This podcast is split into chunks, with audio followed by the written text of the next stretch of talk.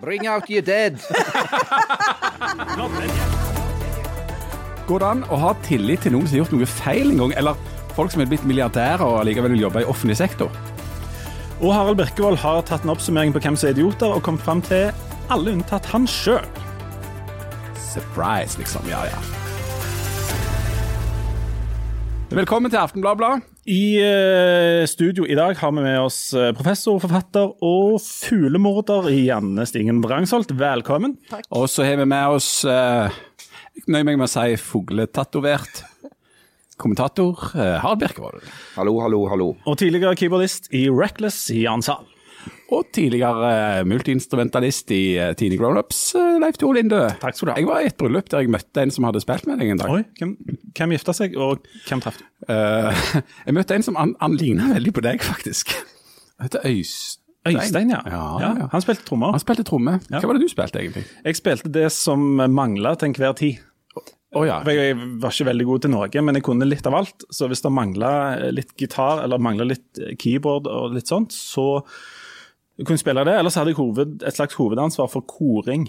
Koring, ja. Akkurat. Det er litt som i denne iPoden, holdt jeg på å si. Jeg er jo bare med for å styre lyden, og for å spre litt bibelreferanser. Histen og pisten. Ja, koring. Koring. Um, Janne, vi må gratulere deg med gode anmeldelser på dette heftet som du har gitt ut. Tusen takk. ja, Vi har kopiert opp flere. har dere det? kopiert opp flere nå? Ja, mm. Om det er sånn stensilmaskin med sånn lilla farge, sånn Ja. Mm. som det lukter svakt sprit av. Ja. Mm, da er det sikkert sil- ja, Nå kom det liv i, i fugletatovør Birkevold her borte. Du er glad i sprit? Jeg er glad i sprit. Eller Jeg har aldri, aldri truffet en sprit jeg ikke har likt. Nei, ikke noe antibac. Nei, antibac går det òg. Har du smakt på antibac? Ja, du bare blander den litt ut og Nei, ikke, at folkens ikke drikker antibac. Det er farlig. Ikke gjør det. Går det an, hjelper det hvis du siler den gjennom en loff? For ikke det de gjorde med rødspriten? Jeg, jeg har ennå ikke vært så tyst, men jeg, an, altså, jeg utelukker ikke at det kan komme til å skje. Men uh, foreløpig har jeg klart å styre unna antibac. Og Old Spice. Oh, Old Spice. Du, men jeg, må- jeg må bare spørre litt mer om de, disse terningkastene. For nå, De som er så heldige å oppleve at terningkast blir veldig høye på seg sjøl.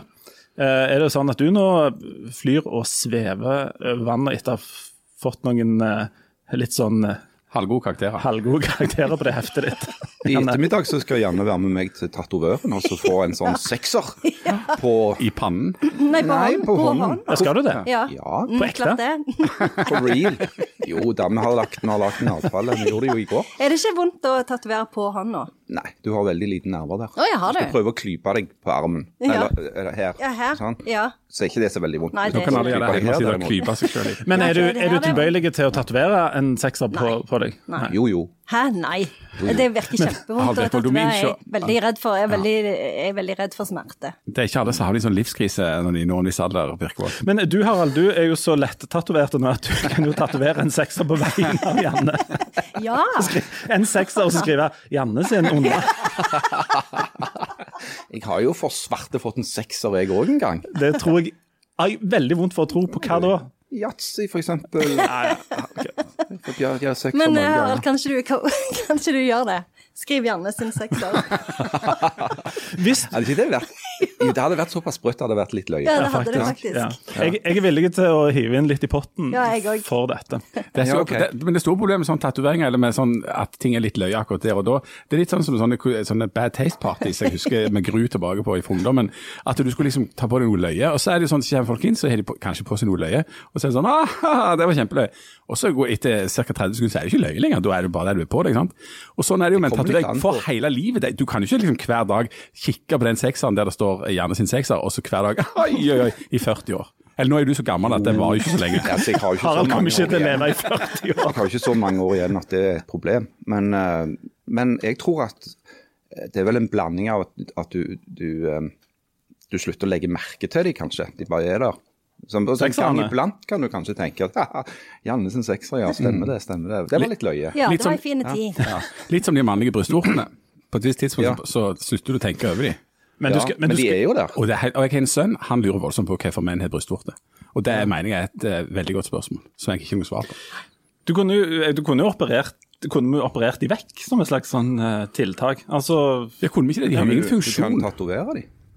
ja, jeg tenkte mer på om de kunne vært fjerna. Uh, eh, Det er vondt, det.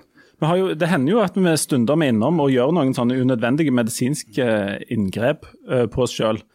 Og de, denne tanken slo meg faktisk Jeg tror at hvis du tar vekk brystvorten, så ser du veldig rar ut. Akkurat som hvis du barberer av deg øyenbryna. Det er Øyenbryn er noe mange av oss ikke tenker så mye på. sant? Før du plutselig ikke har Helt til du ikke har dem? Ja, for det, at det var noe som skjedde med en, en jeg kjenner ganske godt en gang han hadde uh, han, ikke var i sta- han var ikke i stand til å forsvare seg. Uh, og da uh, var det det som røyk. Og han så kjemperar ut. Men hadde det noen lenge. sånn effekt på Fikk han mye mer sånn Han så bare ikke helt menneskelig ut. Nei, men, for det var eh, noe som mangla. Men sånn fysisk for ham? Nei. Var det sånn han fikk masse sånn støv og sånn? Som Ja, ja, ja, jeg fikk enormt mye støv, Ja. for det er derfor du har de, sant? Ja. Biller og insekter. Og det- det- men- Biller, de, makker som kommer inn i øynene. liksom. Ja, ja, det er Men, det det, som skjer. men dette med å fjerne, fjerne brystvortene, det har jeg faktisk helt konkret diskutert en gang. Altså, Ja. Har du tenkt på at dette bør jeg kanskje gjøre? Nei, ja, nei, ikke på den måten, men vi satt og diskuterte en gjeng med, med da menn som var kommet i denne alderen der eh, konene bestemmer seg for at vi skal eh, steriliseres. Det, det er jo sånn som kona på et visst tidspunkt tramper inn i stua og sier 'nå gidder jeg ikke mer', og så må du gjøre det. Og Da, da var, ble det et slags sånn dilemma om du, hva du heller ville gjort, sterilisert deg eller fjerna brystvorten. Nå har, nå har jeg sterilisert meg. Ja, det har jeg òg. Ja. Hvordan, hvordan gikk det for, for din del?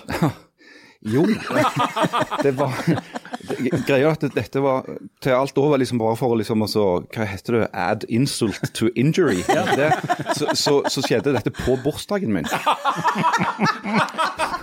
Happy birthday. Så på min, eh, på min, jeg tror det var 49-årsdag eller noe sånt, så lå jeg da i, eh, i, eh, i en slags stol eh, ute på Forusen plass. Og ble uh, opererte på med svære kniver i skrittet av en islandske lege, som òg hadde bursdag den dagen. Så han feira sin bursdag med å drive på der nede i, i sørlige strøk. Ryfylke. Ryfylke, ja, og mens jeg da feira på min måte uh, ved å bli utsatt for dette. Og det som da var på en måte uh, liksom glasuren på denne bursdagskaka, No var, pun intended, eller? det var jo da at eh, han spurte om, om ikke det, var greit at det kom inn noen sykepleierstudenter. Og eh, så kunne de kunne se hvordan dette foregikk. Sånn at jeg hadde jo òg et lite sånn englekor da, rundt senga. eh, hvor jeg lå, eh, som, som da betrakta eh, dette her eh, skuespillet. Dette er omtrent en reprise av For jeg òg har vært inne eh, og, og gjort dette. Og det er nesten en reprise av sånn som det var hos meg. Jeg, jeg også, du, du går jo inn der eh, etter å ha etter at noen har tatt denne avgjørelsen for deg, at du ikke skal reprodusere deg selv flere ganger. Og Det har jo funka, det. Jeg har jo ikke fått unger med verken kona mi eller med andre etterpå. Jeg har ikke fått noe løst, det, og det er jo bra. Men du får da beskjed om dette, og så er det jo, er det jo sånn at og Jeg vet at dette er et familieprogram, vi skal ikke gå inn i alle detaljene her, men du får jo et Det skri- Du, du får jo et skriv. Et skriv, ja. Og så- er det gjort. Og så får du beskjed om bl.a. at du, du må være eh, At det må være ordentlig skoga og rydda. Sant? Så jeg hadde jo Du må være frisert Ja. nedentil. Jeg hadde jo barbert meg fra isse til ankelet i frykt for at det på en måte ikke skulle være godt forberedt. Men ikke øyenbryna. Nei, jo, de òg, i tilfelle. Alt, alt var vekke. Og så, og så kommer du inn der, så får du jo på deg en slags sånn eh, et A4-ark som du skal gå rundt med. Og så kommer du inn, og så blir du lagt ned, og jeg vet ikke hvor mye detaljer vi skal ha her, men da, så blir jo enkelte kroppsdeler da teipa fast, sånn at de ikke skal ligge i veien. Og på det tidspunktet så kommer det da inn noen medisinsk personell, og jeg òg fikk den der beskjeden. Ja, så har vi med noen studenter her. Så tenkte jeg å herlig, ja ja, toget var godt, så det var bare å komme inn. Og de er jo 17 15 år, og det er nesten sånn at du må spørre om russekort, ikke sant? Denne, Og så ligger du der i den her posituren, eh, og de har begynt å, å knafse rundt der nede. du ligger i den posituren som i engelske penkretser kalles 'come hither'. Det var jeg ikke klar over. Ja. Men du ligger da i en slags litt sånn ydmykende ja, veldig ydmykende posisjon, på en måte. Mye, mye verre enn å fø, f.eks. har jeg inntrykk av. Mye verre. Mye, mye verre. Antagelig. Kunne bare prøvd. Og, og så kommer det inn disse på 17,5 som antageligvis har vært sykepleiere i tre kvarter. Og, så, og De var nokså stramme i blikket, og jeg var jo he ikke helt myk i øynene, jeg heller. Men de aner jo ikke hvor de skulle Hun ene ser konsekvent opp i, i taket. Og det var nå ikke det som var meningen med observasjonspraksisen. Nei, jeg var livredd for å møte blikket til noen. Jeg òg. Men, Du skal ikke ha blikkontakt med folk i en sånn situasjon. men på et tidspunkt så skjer det noe der inne som mykner opp stemningen veldig. og Det er at når disse to på 17,5 år står, hun ene kikker i taket, hun andre kikker veldig rett i nøtteposen. Og hun sjefssykepleieren liksom, ja, hun, hun prøver liksom å, å smalltalke litt, som jo er litt sånn Som òg er en litt rar eh, situasjon for smalltalk, er det ikke det? Men dette løsner veldig når hun på et tidspunkt ser meg i øynene, og da mener jeg øynene, ikke noe metafor for noe, ser meg i øynene og sier 'Å, er det ikke deg fra avisa?' Herregud. Ja. Da var alle kortene på bordet, for jeg tenkte nå får jeg bare stå til. Dere Men bare for, for meg så var liksom Det som var Altså, Én ting er selve dette, sant? Det, det som skjer der og da. Sant? Men det, det, når jeg da var på vei ut dørene og var ferdig med dette, og han islendingen spør om Du eh, Skal vi ta øl? Han spør, du, eh, du, har, du har noen vide bukser, har du ikke det? Nei, Pyjamas eller noe sånt. Så jeg jo, ja, jeg har vel det. Ja, fordi at eh, Jeg ville hatt på meg noen vide bukser. Så. Og det som skjer dagen etterpå, jeg vet ikke om det skjedde med deg, men med meg gjorde det, hvor du da blir forvandla til en slags tobeinte variant av oksen Ferdinand. Et oppdrettsanlegg på land. Et slags stutteri. Hvor dette her, denne sekken henger og dingler som en slags form for som en slags basketball mellom beina på deg. Det er det ingen som har fortalt deg om. Ja, det, Sto ikke det i dette skrivet? Det sto ikke i skrivet. ja, det sto at det, det, det Det kunne kunne, være vondt. fare for noe opphovning. Og opphovning hadde de sikkert skrevet på sånn latin eller noe. Men det skjedde faktisk ikke med meg. Jeg, dagen etterpå var jeg jeg holdt på å si fit for feit. Det var, Jeg var, jeg var ikke i nærheten av noe feit. Men, men jeg frykta jo det, for jeg hadde jo, skrekkhistorien med jeg hadde hørt var en unge som kom i, i en barnehage, og, og da skulle de ha sånn delestund på fredag. De kunne fortelle hva som helst. Og der var det en unge som da eh, reiser seg opp og så sier 'pappa, han sitter bare på baderingen min'. Og blir spurt ja, hvorfor det. Nei, mamma var så lei av Mamma orka ikke mer unger enn meg og broren min, så pappa måtte skjære seg tissen. Og så satte han seg ned igjen. OK, nok om det. Jeg er veldig veldig usikker på hvordan vi skal komme oss fra dette og videre til eh, en diskusjon om ja, norsk politikk og, og, samfunnsliv. Jeg har, samfunnsliv. jeg veldig frista til Det er ikke så mye en overgang som en, et apropos til det, med, med sånne delehistorier. det. Eh, For jeg kom på den nå. Ja, han er ikke så halvgalen, altså. Det, det var Når, når dattera mi skulle snart begynne på skolen, men rett før det så, så skifta hun barnehage. Og så skulle hun liksom introdusere seg sjøl til, til de voksne og de andre ungene og sånn. Og så hadde hun lagt ut i det vide og brede om, om mora, om seg sjøl. Og lite grann om brødrene. Ikke et ord om meg. Og så visste jo de voksne i barnehagen at det var en far inne i bildet òg.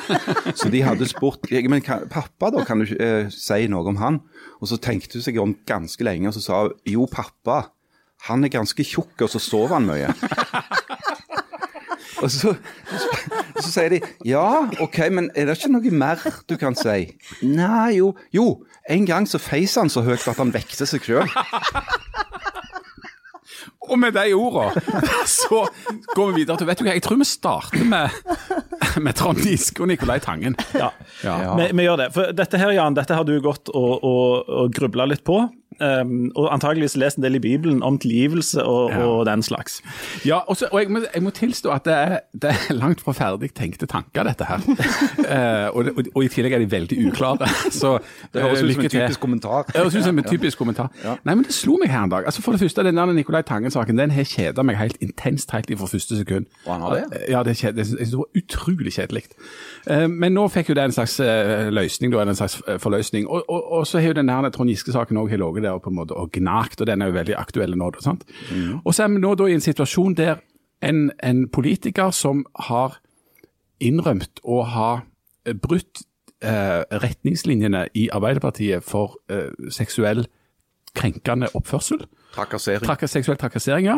Som, som, som, er- som, både, som er på en måte retningslinje der.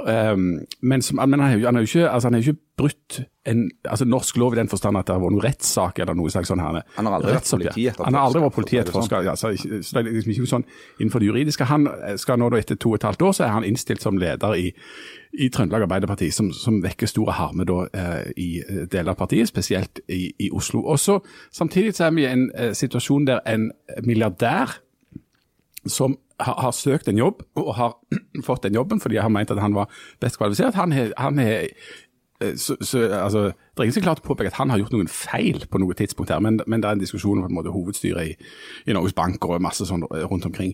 Men, men altså, han har søkt en jobb, og han har jo tjent de pengene han har gjort det fra før av, og så er det, men, men, så er det liksom enormt suspekt da, med han. Men, Alt du sier her tyder jo på at du ikke har satt deg inn i den saken, da. Jo, jeg har satt fulgt utrolig godt med, selv om det kjeder meg. um, men, men vi er altså i en situasjon der, der uh, for, altså spørsmålet, spørsmålet er når når går det an å ha tillit til noen som har eh, så, I tilfelle Trond Giske, nå har det gått to og et halvt år, da. Eh, eh siden dette her kom opp, altså, De sakene ligger lenger tilbake, men det store oppgjøret var for to og et halvt år siden. Når er det mulig å kunne gå videre i et land der det er sånn at, at liksom rettsstaten og rettspleien og sånt handler om at at hvis en har brutt eh, lover og regler, så, så, kommer det opp en sak, og så er det liksom tiltalte og forsvar og alt i hop. En har lov å forsvare seg, og så hvis en har gjort noe galt, så får en en straff, og så varer den en stund. Og så er jo poenget med, med straff og, og hele greia det at du skal kunne komme tilbake til samfunnet. Ehm, kan ikke Trond Giske få lov å komme tilbake nå, eller er liksom, hvor problematisk det? Og, og altså, med, med, han, med han Tangen liksom han, hva er det han har gjort som gjør at vi ikke kunne stole på at han skal gjøre en god jobb som forvalter av oljepengene? Hvorfor er det liksom svekka tillit til Norges Bank nå? Eh, hva er det som er så suspekt med at en milliardær som er veldig opptatt av kunst og veldedighet, og bruker veldig mye penger på det i tillegg altså at, at han skal, Det er et eller annet, med sånn tillit og, og tilgivelse og og mistro og noe krav til, til, folk om at de eh, ikke skal ha gjort noe gale og ikke skal ha tjent for mye penger. Eh, og Hvis de har tjent for mye penger, så er det uansett suspekt. Og Trond Giske som da søker makt, som jo er det som ligger i politikken. Du skal jo søke makt. Ja. Du har sett hva, hva, Jan gjør nå. Han, han gjør sånne politikertriks. De bare fortsetter å snakke. Ja. Um, Litt som når du snakker om din egen sterilisering. ja, ja. Jo, jo. Men det, den er jo av monumental betydning. Uh, dette er jo bagateller i forhold. Uh, altså, jeg tenker at Forskjellene på Giske og Tangen er jo mer påfallende enn likhetene. Uh, Giske-saken er av en helt annen karakter enn en Tangen-saken. Uh, I Tangen-saken, for å starte med den, så tenker jeg at det er jo ikke et spørsmål om hva galt Tangen har gjort. Det er hva som gikk galt når Tangen ble ansatt. Uh, litt på bakrommet, uten å stå på søkerlista, regler og ble brutt der for uh, offentlig innsyn osv. osv. Derfor så klarte dette å bli en sak som fikk uh, politisk uh, sprengkraft. I tillegg så var det jo dette spørsmålet om Tangen kunne fungere som leder for et av verdens største offentlig eide fond, og samtidig ha private eierinteresser i et privat fond. Nå er jo den floken løst ved at han da har solgt seg ut av det private fondet. Så hvordan har han kommet ut? For det, det er jo det jeg mener at den saken på en måte er løst. Han har strekt seg kolossalt langt nå, har liksom solgt ut og alt i hop. Mm. Men eksisterer da, altså er det noen grunn til at vi nå i dag da ikke skal kunne ha tillit til han framme? For det er det som er fellestrekket. Kan vi ha tillit til Nicolai Tangen ifra nå av? Og kan en i Arbeiderpartiet ha tillit til Trond Giske ifra nå av? Eh, si det, du. Altså, det er vel sånn at jeg, altså, jeg personlig har ikke noe problemer med at Nicolai Tangen eh, leder oljefondet. Eh, han har jo vist seg til å være ganske flink til å tjene penger, og det er jo mandatet hans der òg. Det jeg derimot lurer litt på, er hvordan han skal påvirke oljefondet. Fordi at oljefondet er jo ikke et eh, virksomhetsfond. Eh, dette er et gigantisk såkalt indeksfond. Oljefondet kjøper gjennomsnittet av markedet i alle de landene de er. Det betyr at i Norge, så, hvis de hadde investert i Norge, så ville de hatt flest aksjer i Equinor og så ville de hatt nest flest aksjer i Yara osv. De kjøper mest til det største selskapet og nest mest til det nest største selskapet osv.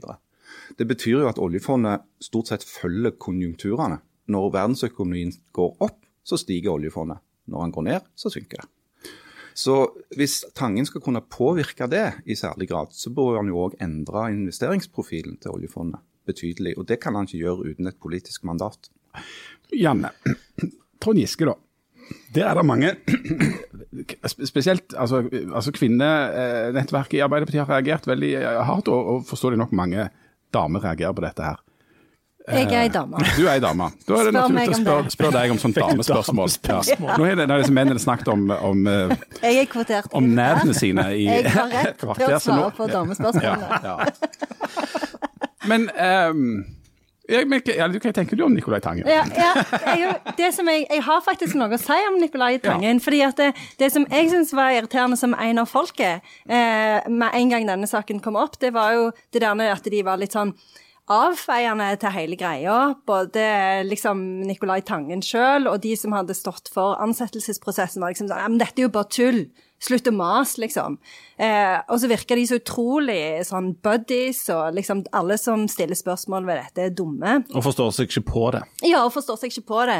Og det, og det tenker jeg at det syns jeg var bare sånn utrolig klossete håndtert. Så de burde jo tatt det på alvor helt fra begynnelsen av, og da kunne de jo kanskje unngått litt av denne prosessen, for da var det jo sikkert en del folk som ble ganske irriterte og begynte å grave litt ekstra. Mm. men igjen, eh, som en av folket, så syns jeg at eh, Nicolai Tangen virker helt Jeg gir han to tomler opp. Ja, Ja, Men, jeg syns han virker ja. ja. Men sånn tillitsmessig så er vel den Giske-saken egentlig verre å forholde seg til.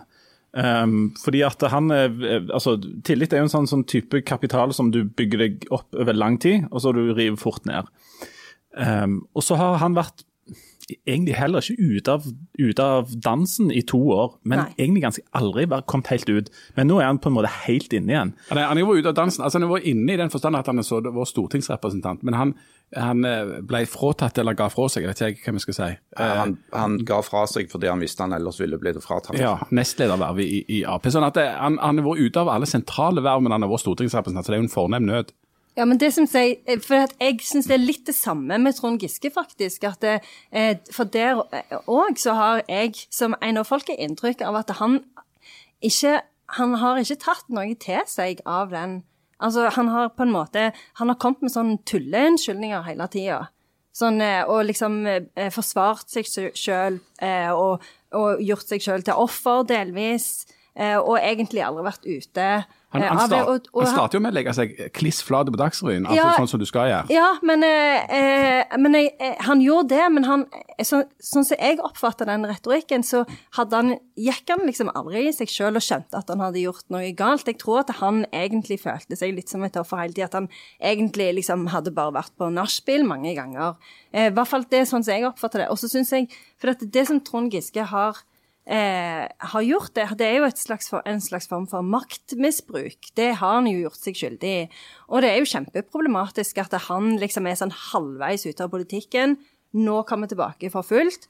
Og så er det masse kvinner som har trukket seg fra vervene sine. Og da har vi løst det. For de kvinnene som er imot, eller som er, som er skeptiske til Trond Giske, de har gått ut av politikken, mens Trond Giske er tilbake for fullt, og da har vi løst dette problemet. Og det jo, da viser det jo at liksom, den metoo-prosessen har betydd null, egentlig. For da er det jo akkurat de samme eh, mekanismene som alltid har vært i operasjon, som virker ennå. Er det, det er det nok å legge seg flat, da? Altså, det der går ut og sier at du legger deg flat. Petter Northug er jo òg en sånn greie. Han òg går ut og legger seg flat, og så peiser han på etterpå. Er det, det, Det, det, er jo ikke nok, men det er jo, det er jo første på en måte ledd i en sånn dramaturgi. Det er jo alltid det en skal først gjøre, så skal han jo legge, først og fremst skal legge seg flate. Og, og, og Giske starter jo da etter et visst press vel med å, å legge seg flate, men så har han jo ikke vært enig i alle at alle de anklagene har stemt, altså at det hadde vært ulike versjoner. Han har, han har, på en måte lagt seg flate for å ha gjort noe, men ikke alt. Og så interessant nok da i dramaturgien så har han da med denne Bar Vulkan-saken der liksom VG endte opp med å være de som dreide seg ut, så ble jo plutselig han offeret. Så fikk han en slags sånn form for, for uh, ja, hva skal vi kalle det? Altså, ja, Sympati. Sympati, da, sant? I, I denne her dramaturgien. Men, men så er jo tingen nå altså, at det er gått to og et halvt år. Altså, hvor, hvor lenge, hvor lange skal straffa være for, for sånne ting som dette, f.eks.? Jeg tenkte på det i går når jeg så at uh, Anette Trettebergstuen, som er leder av kvinnenettverket i Ap, og òg en gammel politisk alliert av Giske, uh, sa at hun syntes det var for tidlig. Uh, og Da satt jeg litt og grunna på det. Når du sier at det er for tidlig, så sier du jo samtidig at på et eller annet tidspunkt så er det på tide. Det følger logisk. Uh, og Det betyr jo òg at Trettebergstuen markerer seg litt i forhold til de som mener at han aldri kan komme tilbake. Eh, men jeg er jo veldig usikker på hva da eh, hva er en tilstrekkelig lang periode i fryseboksen, og hvem er det som skal vurdere, hvem er det som skal utmåle denne straffen? Fordi at, igjen tilbake til det du sa innledningsvis, Jan. altså Giske er jo ikke dømt for noen ting. Han, er, han har blitt gjenstand for en gransking i regi av sitt eget parti, som har konkludert på noen punkter med at han har brutt retningslinjene om seksuell trakassering. Eh, og det er ikke noen straffeutmåling eh, altså formelt eh, forbundet med det. Sånn at tidspunktet for hans tilbakekomst i politikken vil jo hele tiden være gjenstand for eh, helt sånn personlige, subjektive oppfatninger. Jeg syns det er for tidlig. Nei, jeg syns nå er det på tide. Nei, det syns jeg ikke. Ja, og hvor, og hvor mange skal synes det er for tidlig, og hvor mange skal synes det er passe? Ja, Skal de ha håndsopprekking? Skal de, hvordan skal de løse dette? Altså, dette er en, en gordisk knute av, av eh, politikk og følelser og eh, maktkamp. Fordi igjen, Noen avviser jo stadig vekk dette med, med maktkampperspektivet når det gjelder Giske-prosessen. Jeg mener at det er en grov forsømmelse å se vekk ifra at Giske var kontroversiell fra før. Og så- også, og at det er uavhengig av hva han hadde foretatt seg på diverse nachspiel. Men men det, altså er den saken òg en eh, mener jeg sier noe om eh, Tine vi lever i, og det som er konfliktlinjene nå, og som stadig sterkere konfliktlinjer. Det er sentrum-periferi, altså det er eh, Oslo eh, mot på en måte Oslo-makta. Ja, Oslo-makta. I Trøndelag så er det et veldig viktig poeng at det er vi i Trøndelag som skal bestemme hvem som skal være våre fremste tillitsvakt, og Det kan ikke folk i Akershus eller Oslo sitte og bestemme. Det er et element av, av kjønn, altså av, av mann-kvinne, rett og slett. Og det er eh, og kultur og, og, og metoo og, og alt dette her. Men det er liksom sammen eh, i en, voldsomme en voldsom greie, da. Og hvordan håndterer en sant, metoo? Eh, for at eh, metoo var fint, det, men det har òg etter hvert dukket opp noen problematiske sider det, eh, med det, som, som handler både om kontradiksjonsprinsippet, altså, altså eh, menn, og i den grad det er noen kvinner som har gjort det der, så skal ikke misbruke makt og skal ikke eh, liksom, forgripe seg på noen som helst måte. Der håper jeg at eh, det har skjedd en bevisstgjøring både i kultur og i, i både menn, og ja, spesielt menn. da. Men så er det eh, men, så er det hvor, I hvilken grad skal folk kunne svare på, eller være uenige i, eller, eller diskutere eller problematisere dette? Skal en liksom, sånn som i pressen da eh, ikke sette de samme kravene til åpne kilder og til kildekritikk, f.eks.? Altså Aftenposten som kjørte på førstesida eh, anonyme eh, påstander da fra norske eh, skuespillere, f.eks. Hvorfor var det ingen menn som fikk fortelle om sine historier? Hvorfor var det ikke kildekritikk? Altså Hva slags konsekvenser hadde metoo, og hvordan skal en håndtere det nå i ettertid? Eh, men, men altså sentrum-periferi, makt, kjønn, metoo. Enormt mange sånne interessante ting i den der Giske-saken som jeg ikke har svar på. Jeg leste, jeg leste boka til Åsa Linderborg, den nye, 'Året med 13 måneder'.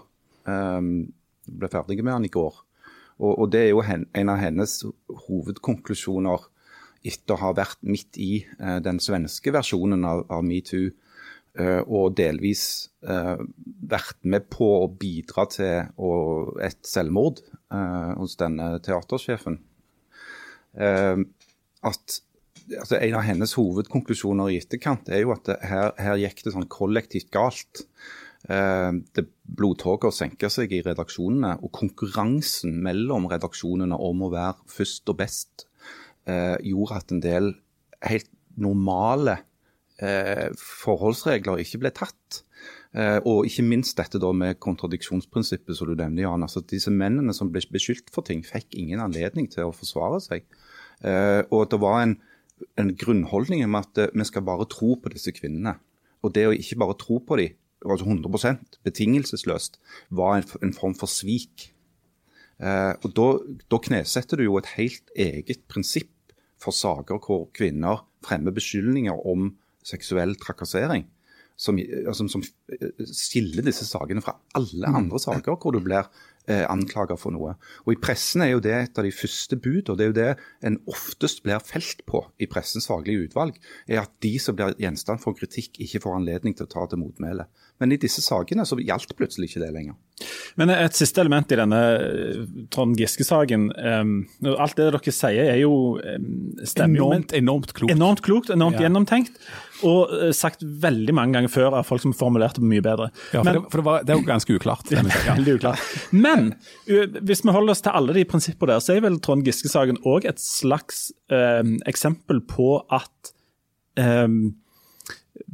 At de som varsler, til slutt ender opp ute, men at eh, på en måte de det blir varsla mot, kan fortsatt være inne i varmen.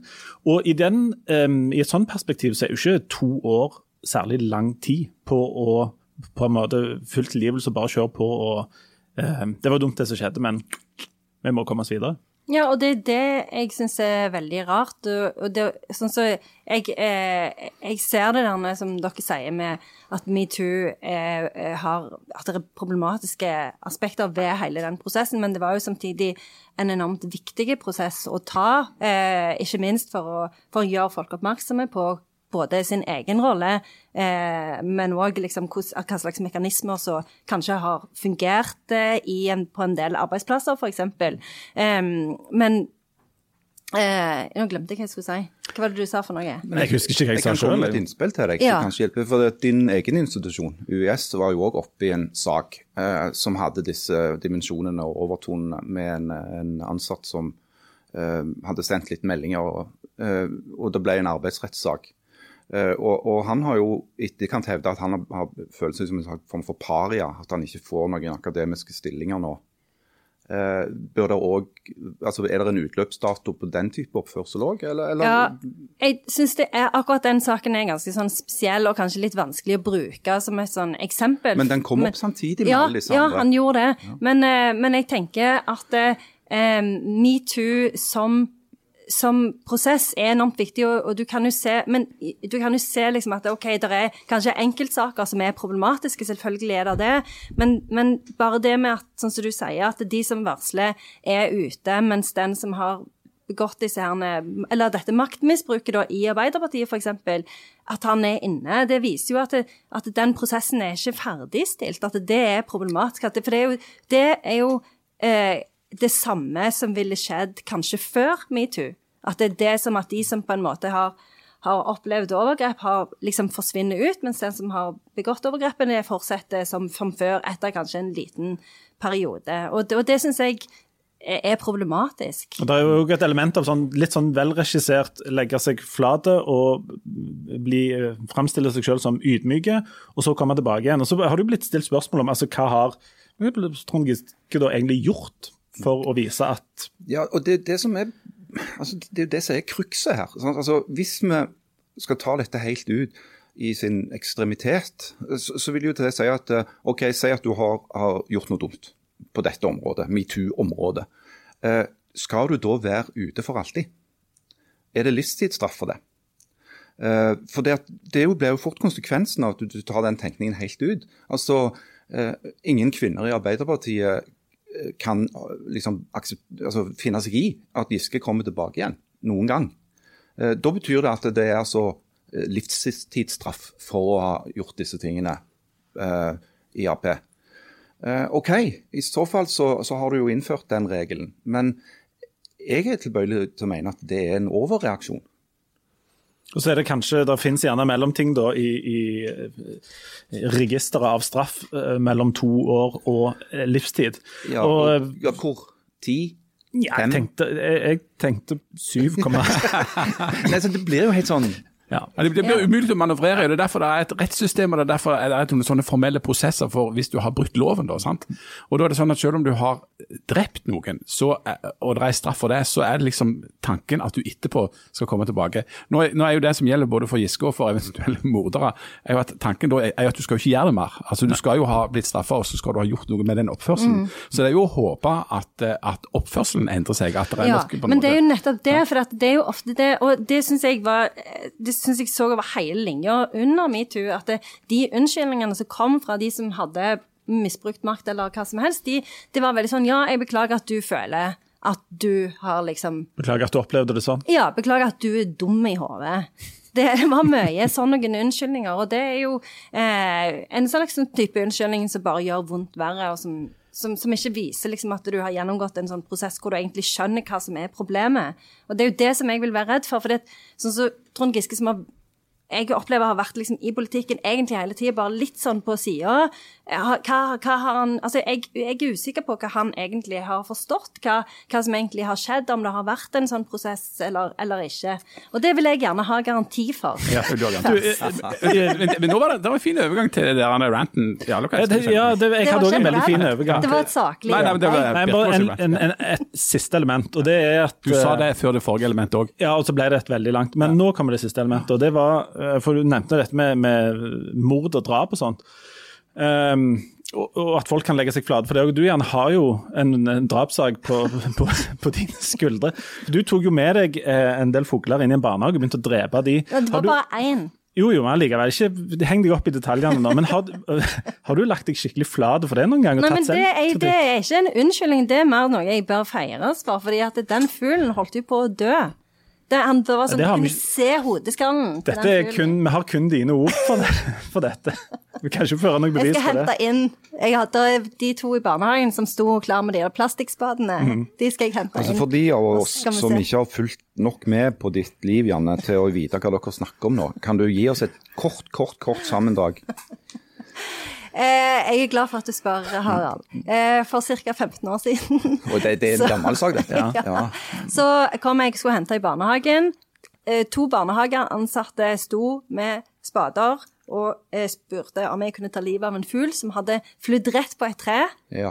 Angivelig. og holdt på å dø. Jeg, tenk, jeg eh, var mye på jakt med min far. Hva som slags fugl var det? Nei, det var ei slags due, da. Ei due? Ja. Ok. Så, Fredens fugl. Fredsfugl.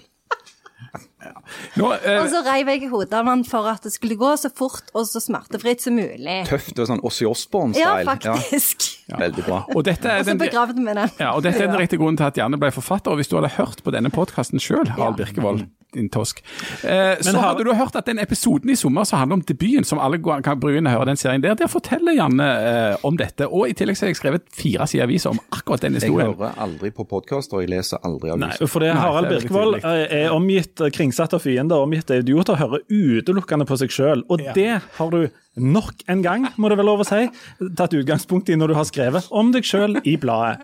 Der du idioterklærer 101 av 100 mulige, eh, og, eh, og kommer med, med beskyldninger om at du er den eneste intelligente i verden. Jeg sier det vel ikke så klart, Jo, men, det, det er faktisk- det skinner kanskje igjennom. Ja. Eh, jeg ser den. Men, men altså, veldig ofte i møte med samtiden, så, så har jeg en, en klar følelse av at jeg er Den mest intelligente i rommet. Ja, og svært ofte har jeg jo rett òg. men greia er at det, det er så utrolig mye som irriterer meg. Altså Det er så enormt mye. Og det var En av de tingene jeg var bekymra for når jeg eh, ble spurt om jeg kunne bli kommentator, det var om jeg hadde no nok meninger. Eller brydde meg om nok ting. Eh, men det viser seg å ikke være et problem.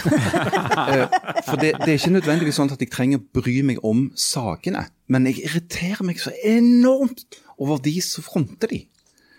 For de er så utrolig teite. Eh, Hvem snakker vi om her? alle, egentlig. Alle, alle folk i alle saker. Ja, altså, altså folk som bare går på jobb og, og gjør jobben sin og, og holder kjeft, har jeg jo ikke noe problem med i det hele tatt. Eh, Men det er jo denne her eh, forbanna offentligheten jeg snakker om, da, ikke sant? og hvordan den har blitt forurensa av folk som kverner i vei på de eh, relativt dårlig gjennomtenkte kampsakene sine. Ta noen eksempel.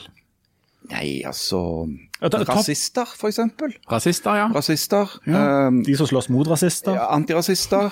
um, folk som tror enormt på Gud. Takk. Uh, folk som ikke tror på Gud. Flott. Uh, Klimaskeptikere. Uh, og ikke minst de som tror veldig på klimaendringer.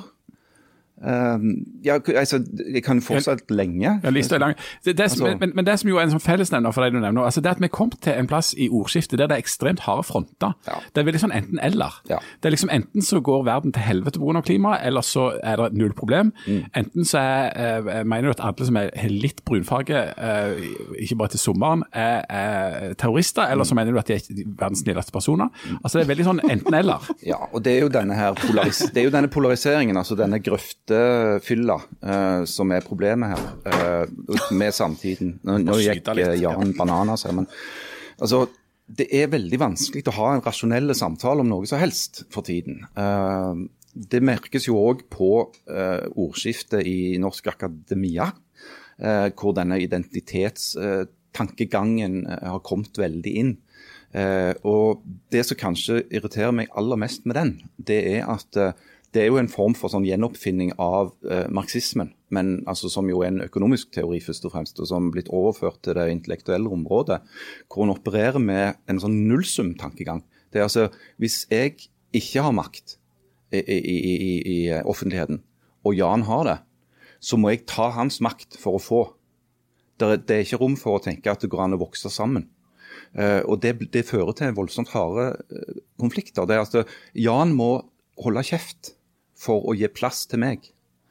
Janne må holde kjeft for å gi plass til Leif Tore osv. Men nå må du holde kjeft for å gi plass til Janne. Mm. det, altså, Identitetspolitikken og, og, og det der kulturkriggreiene det er jo en sånn import fra eh, Amerika. Du er jo eh, professor i engelskspråklig litteratur. eh, og, og, Det er noen historier borte fra amerikansk universitet om eh, at en ikke vil slippe til folk, og at du kan risikere liksom sånn, eh, altså, Vi snakker om at du kan komme inn og høre ting du ikke er enig i. Altså, Akademia skulle jo være den plassen der det burde være aller høyest under taket, og der du skulle kunne bli konfrontert med ulike meninger, og med gråsoner og med, med på en måte skarpe debatt. Hva i all verden er det som er i ferd med å skje? Nei, jeg vet ikke, men det er vel litt sånn tegn i tida. Jeg, eh, jeg husker jeg leste den denne boka til han Pankai Mishra, den denne, som handler om eh, at eller han mener jo at vi lever i sinnets eller vredens tidsalder. Eh, og der snakker han jo eh, mye om dette her, at det er F.eks. på sosiale medier da, så får du inntrykk av at det, der er sånn som du sier, at det er liksom Enten så er du klimafornekter, eller så er du klimaforkjemper. Eh, og, liksom, og, og, da kan du jo ikke snakke med hverandre, for da har du jo inntatt det standpunktet allerede. Eh, og han mener at det er på en måte det største problemet i vår tid. Og for alle er så sinte. Uansett liksom, hva grein du tilhører, så er du kjempesint. Og det er vel litt av det som på en måte har funnet veien inn eh, på universitetene òg. Men han har jo ikke noen sånn klar løsning eh, på det. Eh, fordi at eh, sånn Det er jo Martha Nussbaum, som er sånn amerikansk filosof, hun har skrevet en del om, om, vrede, da, og hun sier at vi må telle til ti. Ja, det tror jeg er en kjempegod idé. Som er en sånn en god, gammel regel. Men, men, det jo, men, men, det er jo liksom det der med at du, du får inntrykk av at det er sånn veldig sånn harde fronter. og Personlig så syns jeg at det er litt vanskelig med den der Eller et godt eksempel for meg er den der, de der vindmøllene. At enten så er du veldig for vindmøller, eller så er du veldig imot vindmøller. Og jeg prøvde liksom å sette meg litt inn i det for å finne ut om jeg skulle være for eller imot vindmøller. Men jeg syns det er enormt vanskelig å vite. Eh, så, så, og det gjelder jo mange av de andre tingene òg. For du kan jo, sånn som jeg, kanskje både klimaskeptiker og, og klimaforkjemper. Mm. Eh, så jeg syns det er vanskelig å være en del av den ene eller den andre. Altså, du hadde jo I akademia så, i det siste så hadde du den der tyskervits-prosessen i Universitetet i Bergen. Altså, hvor, forklart. Altså, det var en, en student ved uh, Universitetet i Bergen som følte seg støtt av at en foreleser hadde fortalt en, en vits om, om tyskerne og trukket trukket linjene tilbake til andre verdenskrig. Eh, og som da eh, mente seg krenka av denne professoren. Og etter hvert da endte dette opp med en, en form for forlik hvor, hvor, vedkommende fikk en slags erstatning. da. Det var pga. av at det hadde blitt lekka personopplysninger ja. underveis i saken. Men det som bekymrer meg i den saken, er at, at rektor ved Universitetet i Bergen går ut og sier så klart at uh, Universitetet i Bergen har en forpliktelse til å skape et trygt miljø for alle. Eh, at dette skal være et trygt og godt sted å være. Eh, og Da tenker jeg at da har du knesatt et prinsipp om at det er den mest lettkrenka studenten i Bergen skal bestemme hva som er, eh, er liksom lov å si og gjøre på Universitetet i Bergen. For at vedkommende skal ha et trygt og godt sted å være. Og Det er ikke et universitet sånn som jeg eh, definerer det. Og det er heller ikke et samfunn sånn jeg definerer det. Jeg mener at Da er du på så ekstremt ville veier. Hvis du ikke kan leve et samfunn der du kan oppleve av og til oppleve å høre og se og, og bli eh, konfrontert med ting som du ikke er nødvendigvis er helt enig i, og som du til og med kan finne usmakelige, mm. så har du rett og slett et, stort, altså, et stort problem i samfunnet. Hvis det er, den, hvis det er den mest lettkrenka som skal definere hvor grensa går, da har vi Jeg syns den ja, britiske komikeren Stephen Fry har sagt noe veldig klokt om dette. her, at Han blir stadig vekk møtt av folk som sier at dette syns jeg var veldig krenkende. Så sier han OK, da. Vær krenka, da. Men det er jo veldig rart, fordi vi lever jo på en måte i et samfunn hvor dette finnes, da, det der med å være krenka og sånn, men vi, vi lever jo òg i et samfunn hvor du har ganske sånn ekstreme ytringer på begge sider òg. Så alt dette finnes jo samtidig. Mm. Det er jo ikke akkurat som vi lever i et sånn under streng sensur eller noe sånt. Men, men, det er jo mye krenking, det er det jo. Mm. Og, det, og det, er jo det, er jo, et enormt paradoks. Det, altså, det er ekstremt harde ytringer og liksom råere temperatur, eh, og samtidig eh, lavere grenser for å bli krenka. mm. Så igjen, liksom ekstremene. Jeg, jeg Jeg husker eh, for ganske mange år siden, når jeg studerte i Bergen, så syntes jeg at liksom den norske politiske debatten var så kjedelig at det var mye kulere borte i England, og sånt, for der var de så sarkastiske og så spisse og sånt. Liksom, hvorfor kunne vi ikke ha litt mer temperatur? Og det, Sånn sett var det jo bra å være i Bergen, for der var det òg høy temperatur. Men nå må jeg si at nå drømmer jeg om at vi kunne hatt det der litt kjedelige grå i midten. Der det er nyanser, og det er ikke så lett, og det er komplisert, og, og ingen er helt bombesikre. Det hadde vært strålende, altså. Jeg, jeg tror dagens debattklima passer oss vestlendinger dårlig. Altså Ja. det der tvisynet eh, som ofte kjennetegner oss. Eh, den der undringen. eh, Tvil. Slå et slag for tvilen. Ja, det, nå er vi, lever vi i en tid med veldig mye sånne absolutter som blir framført med en voldsom pondus. Eh, og så må du velge. Du må ta et valg. Enten så er du med oss, eller så er du mot oss. Uh, og Det har jo òg en, en atterjom ikke sant, fra ja, ML-tida i Norsk Akademia f.eks. Eh, hvor, hvor det var mye av det samme, at du måtte ta et, eh, et standpunkt. For at det standpunktet definerte deg på alle livets områder. Men du blir jo ikke veldig kul og invitert inn i, i, i de plapreklassen sine store fester hvis du går rundt og sier dette med vindmøller. Det må jeg si, det syns jeg er en helt OK idé. Det er greit nok. Ja, ja. Og det, det er jo et altså, vi, vi går jo ikke rundt, og dere som driver og, og kommenterer i, i aviser og sånt, vet jo alt om dette. At hvis du går rundt og, og, og sier at eh, ja, det er greit. ikke så... Nei, altså, Hit er et steg og klart- dit er et steg Det er jo klart at det, offent, sånn som offentligheten fungerer, det medieoffentligheten fungerer, så belønner jo den de ekstreme eh, synspunktene, for de er lette å, å, å, plukke ut og sette opp mot de eh, motsatte synspunktene. Så, så hele diskursen, som det vel heter på fint, er, er jo prega av det. At eh, du, du, du, du når igjennom ved å, å gå til de ekstreme ytterpunktene. Eh, det er lite rom for den der refleksjonen. Eh, og Det er jo en av de tingene jeg prøver å si litt sånn under hånden i denne her generelle utskjellingen av folk. Det er, jo, det er jo egentlig til syvende og sist et forsvar for ytringsfriheten. ikke sant? At det, det er plagsomt med alle disse idiotene, men alternativet er tross alt verre. Ja. Men, men så er det jo òg så ei tid hvor du har faktisk rom for denne refleksjonen. For det er jo sånn som eh, for eksempel gjennom podkast. Du kan jo finne podkaster om alle slags ting, hvor folk snakker i mange, mange minutter om et eller annet som de er interessert i å forklare, og intervjue folk. Og, og, så det, du, har det, du har jo det andre òg. Eh, det fins jo. Men folk, eh, altså, sånn Totalt sett så burde jo vi bare blitt mer og mer intelligente, men vi framstår som dummere og dummere. Er det det som er Jeg tror, altså Det har jo aldri vært mer tilgjengelig, tilgjengelig informasjon. Eh, jeg tror, jeg har stor tro på folk. Jeg tror de aller fleste er ganske oppegående og ganske i midten. Men folk blir jo dummere. Det har de jo målt.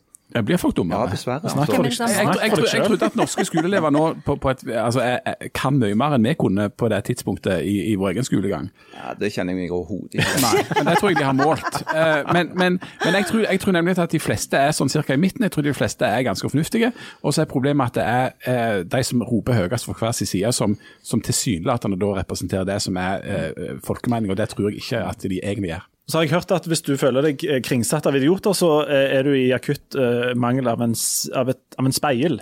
Har du noe speil i heimen du, Harald, eller er det totalforbud mot speil hjemme Jeg, jeg, kan ikke, jeg, jeg syns ikke i speil. Selvfølgelig gjør du ikke. All right, du, vi må runde av. Den uh, tingen som irriterer deg aller, aller, aller, aller mest akkurat nå, Harald, hva er det? Det at denne podkasten har vart altfor lenge. Kan jeg si hva jeg, Ja. jeg kan ta en runde? Ja, ja, ta en runde. Den ene airpoden min virker ikke. Det er enormt irriterende, så jeg hører bare på den ene. Åh, Jan? Jeg kommer faktisk ikke på noe å irritere meg over i dag. Herlighet, det er amatøropplegg.